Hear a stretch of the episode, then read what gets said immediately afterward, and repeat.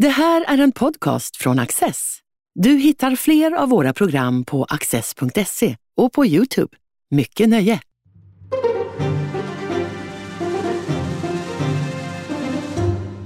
Välkomna till Studio Access och varmt välkommen till Patrik Oksanen som är dagens gäst. Du är försvars säkerhetspolitisk expert och senior fellow vid tankesmedjan Frivärd. Trevligt att ha dig här. Tack så mycket. Eh, några timmar innan vi eh, spelar in detta program så kom en nyhet, nämligen att eh, Post och telestyrelsen har bestämt att de båda kinesiska företagen Huawei och ZTE inte får vara med i auktionen och, och tävlan om att bygga upp det svenska 5G-nätet, nästa generations mobiltelefoni. Vad är dina reflektioner kring och, det sker av säkerhetsskäl? Vad är, vad är dina reflektioner kring det? Min första spontana reflektion eh, när det här beslutet kom var att eh, det var ett välkomnande. Därför att eh, vi vet att den här tekniken från de här aktörerna medför säkerhetsrisker. Och här har vi ju bakgrunden då att den här aktionen blev ju senare lagd och man gjorde omtag för att se över de här säkerhetsriskerna. Och det har då Post och telestyrelsen gjort tillsammans med myndigheter, satt upp kriterier Eh, som är transparenta och eh, eh, då lika för alla och då fått det här utfallet. Så att jag tycker att det har varit ett, ett gediget tillvägagångssätt att göra det här på oberoende kriterier och så får det här rimliga utfallet utan att man då pekar ut de här två aktörerna i förväg som, som problem. Utan att man, man lägger upp ribban, vad vill vi åstadkomma? Och sen ser man att nej, faktiskt, de här två klarar inte det. Så det var gediget. Och PTS, som den här myndigheten kallas, de har mm. tagit hjälp av Försvarsmakten och Säkerhetspolisen för att komma fram till det här. Mm, precis. Eh, så att det är liksom då väl genomlyst och eh, tycker jag är ett, ett bra exempel på när faktiskt eh, det svenska systemet eh, fungerar. Eh, och det är ju glädjande att kunna prata om sådana exempel emellanåt också. Om man har en mycket eh, traditionell bild av vad ett säkerhetshot emot ett land utgör så kanske man föreställer sig pansardivisioner som rullar in över gränsen. Det är väldigt långt att köra ifrån Kina. Mm. har vi en tendens att fastna i en sorts förlegade hotbilder när det gäller att bedöma olika aktörer, tycker du? Eh, alltså, vi har ju ett problem och det problemet sitter i våra huvuden. Att vi tänker oss krig, det vet vi vad det är. Det smäller, det är otäckt, det är våld, det är militärer, det är bomber och det är fred. Eh, och då är vi alla snälla med varandra och eh, kan umgås på ett civiliserat och bra sätt. Och det har ju vi med oss väldigt naturligt i vår förståelse kring fred och krig. Men vi är nu inne i en period Eh, där vi är i en gråzon mellan krig och fred. Eh, och det här är inte bara jag som säger det här också svenska myndigheter sagt. Säpo, Säkerhetspolisen och MUST, Militära underrättelse och säkerhetstjänsten, har konstaterat att vi är i gråzonen. Och i gråzonen då så kan man använda en rad olika aktiviteter för att uppnå sina mål. Eh, aktiviteter då som riktar sig mot till exempel svensk sårbarhet för att skaffa sig då fördelar för att då den här andra aktören, den här antagonistiska aktören, då ska kunna nå sina mål utan att det blir krig. Eh, och då behöver vi ta höjd för det och agera utifrån det på ett annat sätt än vad vi har gjort under ett par årtionden när vi har varit inne i en verkligt lugn fredsperiod. Eh, så att jag skulle säga att mycket av det här sitter i våra huvuden och att vi ser nu ett skifte i förståelse. Och det här beskedet som kom idag då från Post och telestyrelsen det tycker jag illustrerar det skiftet som håller på att ske från en fredsmentalitet till en mentalitet till att förstå att vi är inne i den här gråzonen och har de här problemen. Innebär det här att den säkerhetspolitiska debatten i Sverige och Västeuropa borde handla mycket mer om Kina än vad den har gjort hittills? Ja, alltså, den säkerhetspolitiska debatten den handlar ju om eh, egentligen vad är det som hotar olika typer av samhällen. Och det största hotet vi har i Sverige mot svenska intressen och svensk suveränitet, det är alltjämt Ryssland. Eh, för där finns också den militära komponenten. Du konstaterar ju själv att det är lite långt att gå från Kina. Men däremot så ser vi ett ökat kinesiskt eh, ambition, bland annat i Arktis. Mm. Eh, och att vi har sett eh, Kina och Ryssland öva marint tillsammans i, i Östersjön också. Eh, så att det här är ju liksom globala utmaningar. Eh, så Kina är en utmaning, Ryssland är en annan. För Sverige så är Ryssland det större hotet, men tittar vi i ett större perspektiv då med, med vad USA uppfattar som ett hot eh, och då orienteras emot och, och på det globala avtrycket så är ju Kina en större spelare, framförallt i kraft av sin ekonomi och sin långsiktighet. Kinas mål är ju att vara världsledande 2049. Rysslands mål är ju inte att vara världsledande utan att vara en, en makt, en stormakt med intressesfär som behandlas likvärdigt med andra stormakter. Man kan ju säga att, så att säga, geografin gör för evigt Ryssland till en svensk eh, fråga. Och mycket riktigt, ett av skälen, kanske huvudskälet till att vi sitter här just idag, det är ju att eh, regeringen nyligen la fram eh, sin försvarsproposition med förslag till försvarsbeslut för de, de kommande åren. Och tittar man i den så är det ju Ryssland som utan eh, konkurrens är det land man intresserar sig för mest. Tycker du att eh, den eh, propositionen speglar några förändringar i hur eh, det politiska ledarskapet i Sverige ser på Ryssland? Eh, jag skulle inte säga att propositionen den senaste avspeglar några större förändringar. Utan det här konstaterade ju försvarsberedningen redan 2017 att, eh, att Sverige kan dras in i, i en väpnad konflikt i regionen till och med innan övrig konflikt har utbrutit. Att Sverige kan vara ett första mål för en sån konflikt. konstaterar vi i december 2017.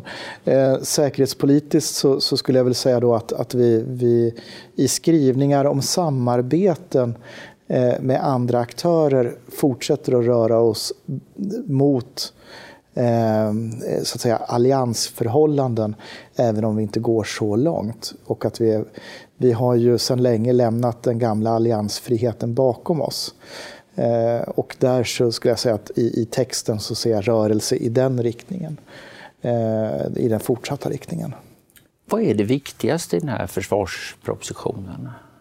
Ja, man kan, man kan vända och vrida på vad det viktigaste är, men det som det i slutändan blev så är det ju i alla fall att nu får Försvarsmakten eh, planeringsförutsättningar med en hyfsad ekonomisk eh, framförhållning i det. Även om det finns väldigt många problem också med den här eh, försvarspropositionen. Men det är väl kanske det, det viktigaste att, att konstatera att det ger lite arbetsro. Sen eh, finns det problem och de kommer, vi säkert återkomma till alldeles strax. Mm. Nästa år ska, så ska eh, försvarsbudgeten ligga på 66 miljarder kronor eh, och 2025 då på 89 miljarder kronor. Det är 23 miljarder mer per år. Mm. Eh, vad får vi för de pengarna? Vad kommer försvaret att kunna göra 2025 som det inte kan göra idag? Jag vill börja med att sätta det i lite perspektiv. För att 2025 så kommer vi strax över 1,5 procent av BNP. Eh, och eh, då ska vi jämföra det med NATO-ländernas mål 2 procent av BNP till 2024. Vår närmsta allierade Finland gör ju en stor ökning, förvisso planerad sådan, på ett år med en, över en 50-procentig ökning och kommer nästa år över 2 procent. Och det är då den finländska anskaffningen av, av, nya stridsflygplan som gör att Finland gör den här stora ökningen. Eh, så att vi ska komma ihåg att, att det är i vår relativa omvärld så är det inte så där mycket. Men vad vi får för pengarna det är ju bland annat eh, eh vi går mot tre brigader. Eh, vi etablerar Eh, Eh, fristående eh, lokala försvarsskyttebataljoner eh, med etableringar då bland annat i, i eh, Falun, Sollefteå och Östersund. Eh, vi får till en utökning på artilleriet. Det tidigare läggs en del anförskaffningar till marinen, en del vapen till flygvapnet och så vidare. och så vidare. Men vi ska komma ihåg att vår börda, vår ryggsäck, vår skuld i uteblivna investeringar, den är väldigt stor. Eh, vilket gör att vi har, vi har mycket att fylla hålen med. Man kan, så egentligen rustar man ju bara upp om man rustar upp mer än vad de eventuella motståndarna rustar upp. Eh, det, det är bara så man stärker sin relativa position. Gör vi det? Vi, vi, vi kommer inte ikapp det gapet som, som Ryssland har, har ökat på regionalt. Eh, och vi ska komma ihåg att vi, vi pratar om en, en väldigt liten försvarsmakt fortfarande. Eh, och eh, bara för att ta några jämförelsetal så eh, tar vi den marina sidan så är väl bedömningen att vi kan hålla Göteborgs hamn öppen om vi lämnar eh, östkusten, om man ska hårdra det lite grann. Eh, Kungliga örlogsmannasällskapet har gjort bedömningen att vi skulle behöva ha eh, tre gånger så många ytstridsfartyg. Det finns inte med i en anskaffningsplan för det. Eh, vi har en del andra brister när det gäller flygvapnet på vapensidan och en del andra eh, saker med sensorer. Vi tar inte riktigt höjd för ny teknik. Armén ska komma upp i tre brigader. Eh, det är ju inte Berätta, särskilt hur mycket, brigad? Runt 5 000 man. Ja. Ehm, eh, och så vidare. Sen kan vi diskutera på vad, vad just nu och här är det viktiga. Ehm, men vårt största problem är ju att vi drog ner anorektiskt organisationerna så pass mycket att det är väldigt smärtsamt att växa igen. Och att eh, vi står inför ett läge med att det blir personalbrist. Det är svårt att fylla personalbehoven och att vi hamnar också i en konflikt mellan här gripbara, snabbinsatsbara förband och hög beredskap och förband kontra utbilda eh, för en senare mobilisering. Förre ÖBn Sverker Göransson blev, väckte mycket uppståndelse när han talade om att eh, Sverige i realiteten hade ett enveckas försvar. Innebär det här att eh, den förändring som nu sker, att vi kommer upp i ett två veckors försvar eller innebär det att vi faktiskt kan stå emot på ett kvalitativt annorlunda sätt? Det här för det här beslutet eh, som, som riksdagen ska ta, eh, den går inte att kvantifiera på det sättet. Och hela en veckas försvarsbegreppet hade Nej, också många också, problem. Men, men, liksom... men, men, jag förstår att det är ju väldigt tilltalande att försöka måla upp bilder som gör det enkla och begripbara. Eh, det här, eh, planen är ju i alla fall att det här ska ge en en, en ökad förmåga att, eh, att eh, få effekt över tid, att kunna ge och ta emot hjälp. Ehm, det är ju de här eh, regionala eh, skyttebataljonerna är ju till för att vi ska kunna få hjälp västerifrån för att kunna härbärgera den, den hjälpen eh, och skydda den hjälpen. Ehm, så att vi, vi ökar vår förmåga men det är för lite och fortfarande för långsamt och tyvärr utan den långsiktiga planen. Därför att vi ska komma ihåg att pengarna i det här det räcker ju bara till 2025. Sen behövs det ett, ett eh, tillskott och så har man lagt in en planeringsavstämningspunkt eh, 2023 eh, eh, då man ska se om man då ska göra och skjuta till medel då till ytterligare, jag tror att det är 16 punkter eh, som är listade som det inte finns pengar för.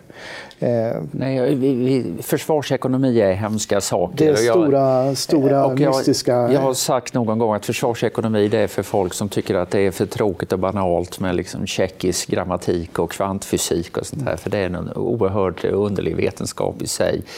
Men, men det är så att, att för att ett problem för försvaret är ju att det är väldigt långa anskaffningstider för mycket. Så ska, det finnas något 2030 så kan man inte eh, köpa det 2028 därför att man råkar få pengar det året, utan man måste ha vetskap om det i god tid i förväg. och så här.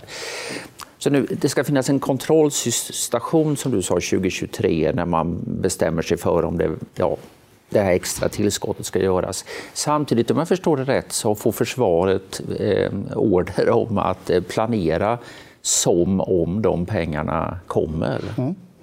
Eh, och det är ju där du hamnar i det politiska problemet. Är, eh, blir det här trovärdigt eftersom du inte skjuter till pengarna? Och där har du ju socialdemokratin, regeringens ovilja att binda sig vid de här pengarna. Och det är ju det som har gjort till att det blev en långdragen och smått plågsam politisk process över ett par år i bråk om pengatillskotten. Eh, problemet är, menar jag, på att om vi nu vill rusta på allvar och då menar jag på att vi ska kunna klara av att försvara oss med ett totalförsvarskoncept. Det är, ska vi komma ihåg, som Björn von Sydow sa i december när försvarsberedningen presenterade sin rapport 2017, den största samhällsreformen i Sverige på årtionden att göra det här. Det kommer att ta tid, det kommer att ta pengar, men vårt åtagande gentemot det här politiskt är alltjämt halvhjärtat. Eh, istället då så skulle man, menar jag, på ha gjort det här med en mycket längre horisont, sagt att det är hit vi ska. Eh, och nu är det en tveksamhet här till exempel i rationaliteten på arméorterna. Eh, det finns en rationalitet att etablera sig på fler orter om man tänker sig att man ska bygga armén vidare med, med fler brigader. Men om man inte tänker sig det, och det här har man ju då politiskt inte beslutat sig för ännu, mm. då finns inte samma rationalitet i det. Så att, tänker man sig att man ska bygga en struktur vidare, då är det bra att lägga ut klossarna. Men, men det är det här som vi inte riktigt tar och orkar hela vägen. Tar du menar, för att försöka översätta mm. det, det ska startas, återstartas regementen i Falun, i Sollefteå. Mm. Och vad du säger är att om man bara kommer upp i utbildningsvolymer på ett par hundra soldater om året, då är det, en, då är det slöseri helt enkelt. Ja, för det blir eh, så stora startkostnader. Precis, det är stora fasta Utan detta kostnader. är bara begripligt om man har ambitionen att växa ytterligare. Ja, och då har ambitionen att växa och eh, då eh, växa ytterligare ett antal brigader. Eh, då, då gör det här försvarsekonomisk eh, logik. Om vi, vi ska inte fördjupa oss heller för mycket i den politiska processen kring detta, men man kan säga att liksom både försvarsberedningen kom med två rapporter, eh, en 17 och en 18. Och man får 19. 19, förlåt. Och man får väl säga att, att liksom båda överträffade i någon mening förväntningarna. Inte minst när det gäller just den politiska enigheten i dem det känns som att det är ett kapital där som ändå har hanterats väldigt vårdslöst. Eh. Och det är där vi kommer in då när det, vi har en socialdemokrati eh, och Miljöpartiet då, som är de två partierna i regeringen eh, som ställer sig bakom slutsatserna men man är inte beredda att skjuta till pengarna. Och där hade vi ju ett, ett politiskt bråk, eh, och vilket gjorde att du inte fick en enig försvarsberedning i slutändan då, 2019. Sen blev det bråk under budgetförhandlingarna. COL pressade fram att det, mm, till målet 1,5 procent 2025. Sen kom ju det här, som du säger, då, tjeckisk grammatik in i bilden. Mm. Det vill säga att det visade sig att de beräkningar som försvarsberedningen hade gjort inte var korrekta eh, därför att det saknades en stor mängd pengar för att kunna genomföra det som politiken ville ha genomfört. Eh, och då kom den här diskussionen om, eh, om ökade medel och det blev en, en viss ökning av medel fram till 2025 och även med lite mer pengar ehm, eh, som, som då faller ut men inte tillräckligt varav den här kontrollstationen kommer in. Och det är det här då som eh, blir den, den eh, mycket märkliga säkerhetspolitiska signalen från Sveriges regering. Man är överens politiskt men vill inte skjuta till pengarna. Det noteras i våra viktigaste huvudstäder och i det här fallet så är de viktigaste huvudstäderna Moskva, Helsingfors och Washington. Mm. Ja, åtta partier var ense. Det var inget dåligt politiskt kapital man hade och det har nu eh, ja, verkligen dimmats till. Eh, är det bara den gamla vanliga banala kampen mellan försvarsdepartement och eh, finansdepartement detta handlar om? Eller ja, det, finns det, det någon mer djupgående skäl till den här konstiga hanteringen? Det finns ju flera olika dimensioner. Den du tar upp är ju en väldigt viktig dimension. Finansen vill aldrig lägga pengar på någonting om man kan slippa det om man ska hårdra det lite grann. Eh, det här är ju också någonting som inte de politiska strategerna i partierna ser att man vinner val på. Eh, då är det ju bättre att, att lägga pengarna på sånt man kan vinna val på. Det finns som incitament i den politiska processen. Och sen så finns det ju en, en, en komponent i Miljöpartiet som kommer från, från fredsrörelsen, även om det är mindre framträdande efter riksdagsvalet 2018. Flera tongivande personer ur den grupperingen lämnade ju riksdagen och för övrigt två av dem eh, tillkännagav ju precis här idag, tror jag att det var, att de har gått över till Vänsterpartiet nu. Mm. Eh, så att det finns en historik där och sen så finns det också en, en motsvarande om vi kan kalla det för en fredsfalang inom socialdemokratin också. Så att det, det har ju funnits i de partierna tillbakahållande krafter som har kunnat göra gemensam sak med finansen i den här frågan. När, den här, eh, när det här förslaget diskuteras, då är en av dimensionerna det är om man enkelt uttryckt de gröna mot de blåa. Alltså, ska, ska vi satsa på armén eller på marin och flyg? Och Försvarsmakten verkar ha velat ha mer av satsning på de blå medan politikerna vill ha de gröna. Mm. Vad, vad, är din kommentar till detta? Det första jag vill understryka är att jag tycker att det är väldigt olyckliga alla sådana diskussioner där, där man hamnar i den här grönt mot blått. Eh, för det finns ju en lång tradition också i det där. Eh, så. Och ska vi då återuppbygga en totalförsvarsförmåga så, så behöver vi försöka komma från det konfrontativa interna synsättet mellan de här olika vapengrenarna och konstatera att ja, men vi, vi har en, alla har väldigt stora behov för att komma upp på den nivån som de behöver komma till.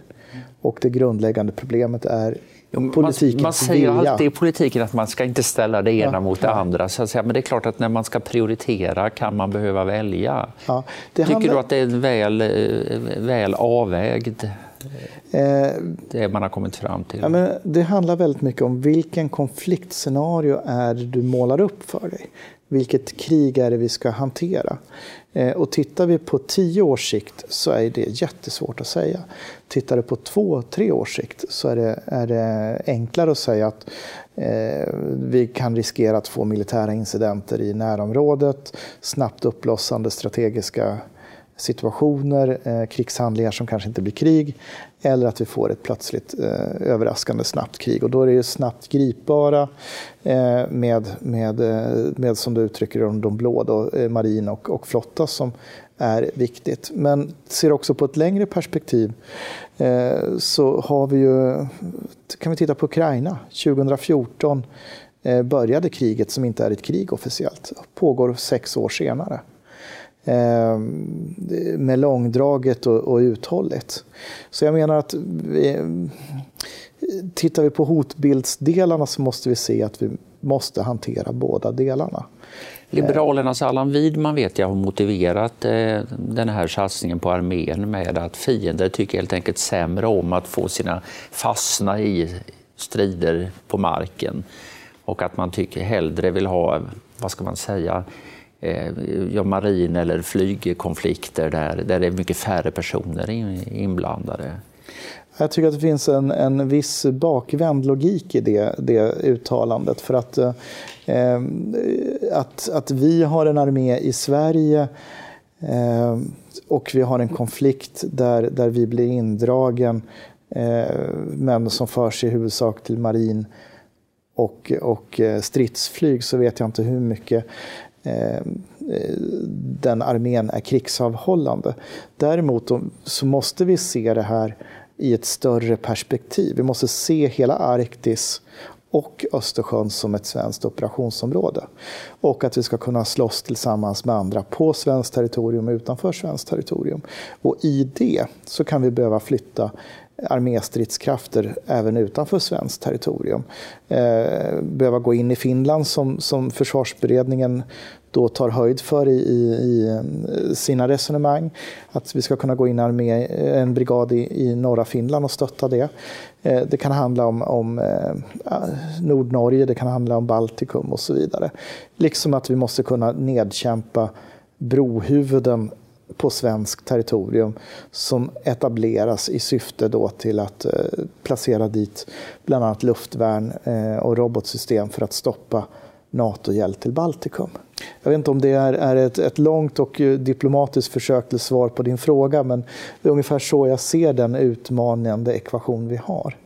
Eh, liksom att vi också måste se framför oss långa utdragna scenarion där till exempel eh, sjöfarten kan vara drabbad, det kan vara minutläggningar från mystiska aktörer och så vidare. och Så vidare.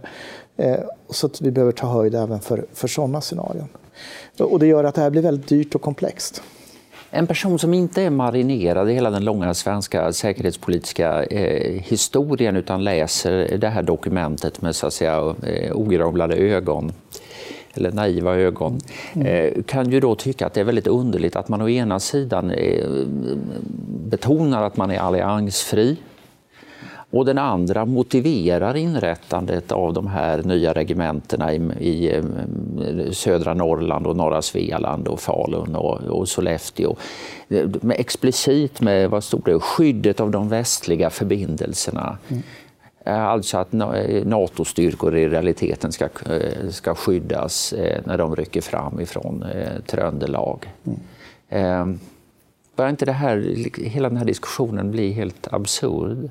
Ja, det är mycket enklare om vi går med i Nato, ja. så vi slipper den här typen av, av diskussioner. Eh, så att det enkla svaret är, är att eh, går vi med i Nato och gör det tillsammans med Finland, då kan vi ha en gemensam försvarsplanläggning med, med andra länder i, i Östersjöområdet på ett helt annat sätt och då blir det mycket enklare. För om man tänker sig, om man nu är beredd, vad man säger här är ju i realiteten att vi förbereder oss för ett samarbete eh, med Nato. Och då återstår, varför inte då medlemskap? Ja, då är ju den enda eh, begripliga argumentet för det, det är ju att vi vill gärna ha hjälp, men vi vill inte ge hjälp till någon som blir angripen. Men hur imponerande är det för de som då ska rycka fram och hjälpa oss?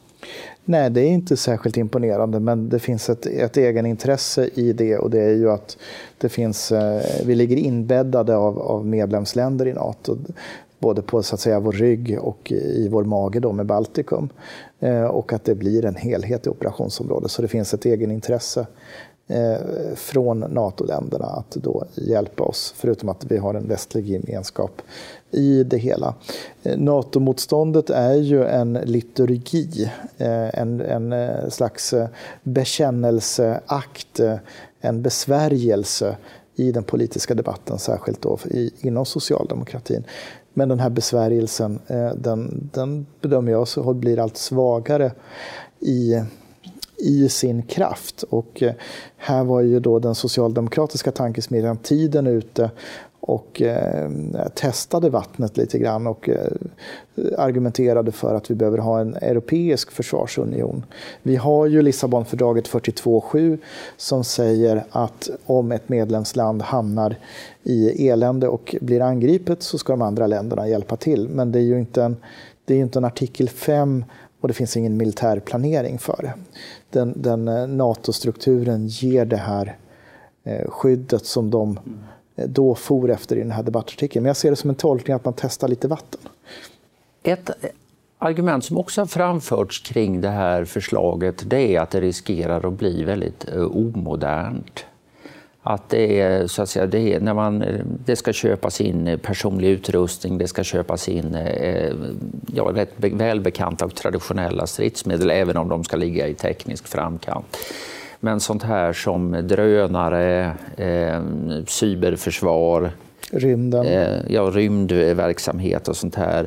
Eh, och som du talade om inledningsvis, här, hela den här gråzonsproblematiken där, där liksom gränsen inte är så himla lätt att få syn på mellan militära och civila åtgärder och sånt där. Att det inte tas höjd på något ordentligt sätt för detta. Om vi betalar 5 eh, miljarder för en ubåt som går att sänka med en eh, undervattensdrönare Eh, som kostar en bråkdel utav detta. Eh, tänks det kring detta? Ja, det tänks kring detta. Eh, sen skulle jag ju säga att, att vi har en del kvar i att hänga med i den tekniska utvecklingen. Vi ska ju komma ihåg att den går väldigt fort nu. Och särskilt inom området artificiell intelligens. Och vad det gör med, med krigföringen och med system Eh, och hur man då kan kombinera eh, människa-dator-interaktivitet i, i så att säga, det militära beslutsfattandet.